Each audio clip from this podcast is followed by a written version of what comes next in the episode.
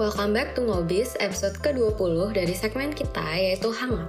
Bersama dan ambience hangat dan topik-topik hangat yang akan dibicarakan, balik lagi nih kita akan ngebahas semua berita-berita hangat di Indonesia dan mancanegara yang terjadi pekan lalu. Hai semua, balik lagi dengan gue Yulisa dan gue yang bakal ngebawain hangat untuk kalian semua yang lagi ingin memulai minggunya dalam beraktivitas. Bakal guna banget buat kalian yang ketinggalan berita, nyari ide konten, atau buat bahan ngobrol kalau ketemu orang nanti. Dengerin aja berita hangat dari teman startup untuk bisa up to date dengan berita kekinian yang ada. Beli baja di pasar lama, langsung aja kita masuk ke berita pertama. Founders, siapa sih yang nggak tahu aplikasi pencari jodoh yang satu ini? Yes, Tinder. Tinder baru aja ngeluarin fitur baru yaitu Blind Date. Fitur ini cukup unik karena sebelum bisa menggunakan fitur ini, user harus menjawab beberapa pertanyaan icebreakers dan dengan jawaban ini, Tinder akan mencari pasangan dengan jawaban yang serupa.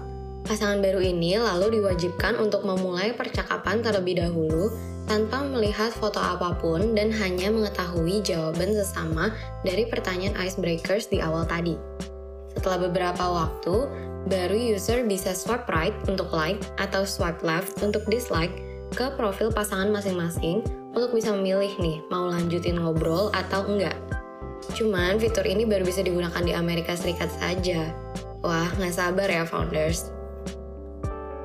Selanjutnya berita kedua datang dari raksasa animasi dan film dan good news juga nih buat para penggemar NFT. Dilansir dari hypebeast.com, saat ini Disney sedang mencari lowongan pekerjaan yaitu ahli NFT. Seperti yang diketahui, Disney mencantumkan lowongan di sektor Business Development Manager dengan job description memonitor dan membuat strategi bisnis khusus untuk area NFT.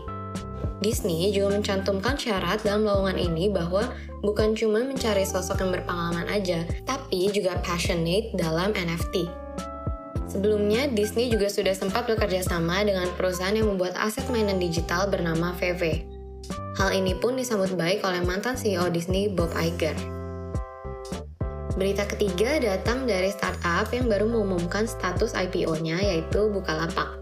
Dilansir dari detik.com, Bukalapak resmi menunjuk Wilik Salim sebagai direktur utama untuk menggantikan Rahmat Kaimudin yang menjadi bagian dari Kementerian Koordinator Kemaritiman dan Investasi bersama Bapak Luhut Binsar Panjaitan. Pada awal 2022, Rahmat yang mengundurkan diri, posisi pimpinan langsung diambil alih oleh Willix. Namun, ketika itu jabatan tersebut masih sementara. Saat ini, di jajaran direksi, komisaris dan pemegang saham di rapat pemegang saham luar biasa telah menyetujui Wilik Salim untuk jadi CEO Bukalapak. Wilik Salim sebelumnya adalah Chief Operating Officer dari Bukalapak. Selamat ya untuk Bukalapak dan Wilik Salim. Berita terakhir juga datang dari salah satu e-commerce di Indonesia yaitu Lazada. Berdasarkan liputan6.com, melalui unit logistiknya, Lazada Logistics menjalin kemitraan dengan PT Smooth Motor Indonesia untuk penyediaan motor listrik sebagai armada pengiriman paket yang praktis dan ramah lingkungan bernama Blue Vehicle untuk kurir Lazada.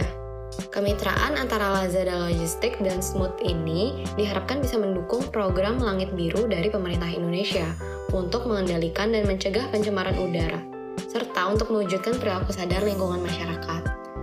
Chief Logistic Officer Philip Auberger menyebut Membangun ekosistem e-commerce ramah lingkungan dan berkelanjutan adalah komitmennya Lazada, sehingga upaya mengurangi jejak karbon dalam pengiriman paket kepada pelanggan menjadi salah satu bentuk konkret dari komitmen tersebut. Wah, keren ya founders! Oke, kita sudah sampai di penghujung recap berita hangat dari minggu lalu. Kalau founders punya berita hangat lainnya, boleh nih DM kita di Instagram at startup untuk diangkat dalam berita hangat minggu depan. Stay tuned for next week's berita hangat. See you soon and stay safe.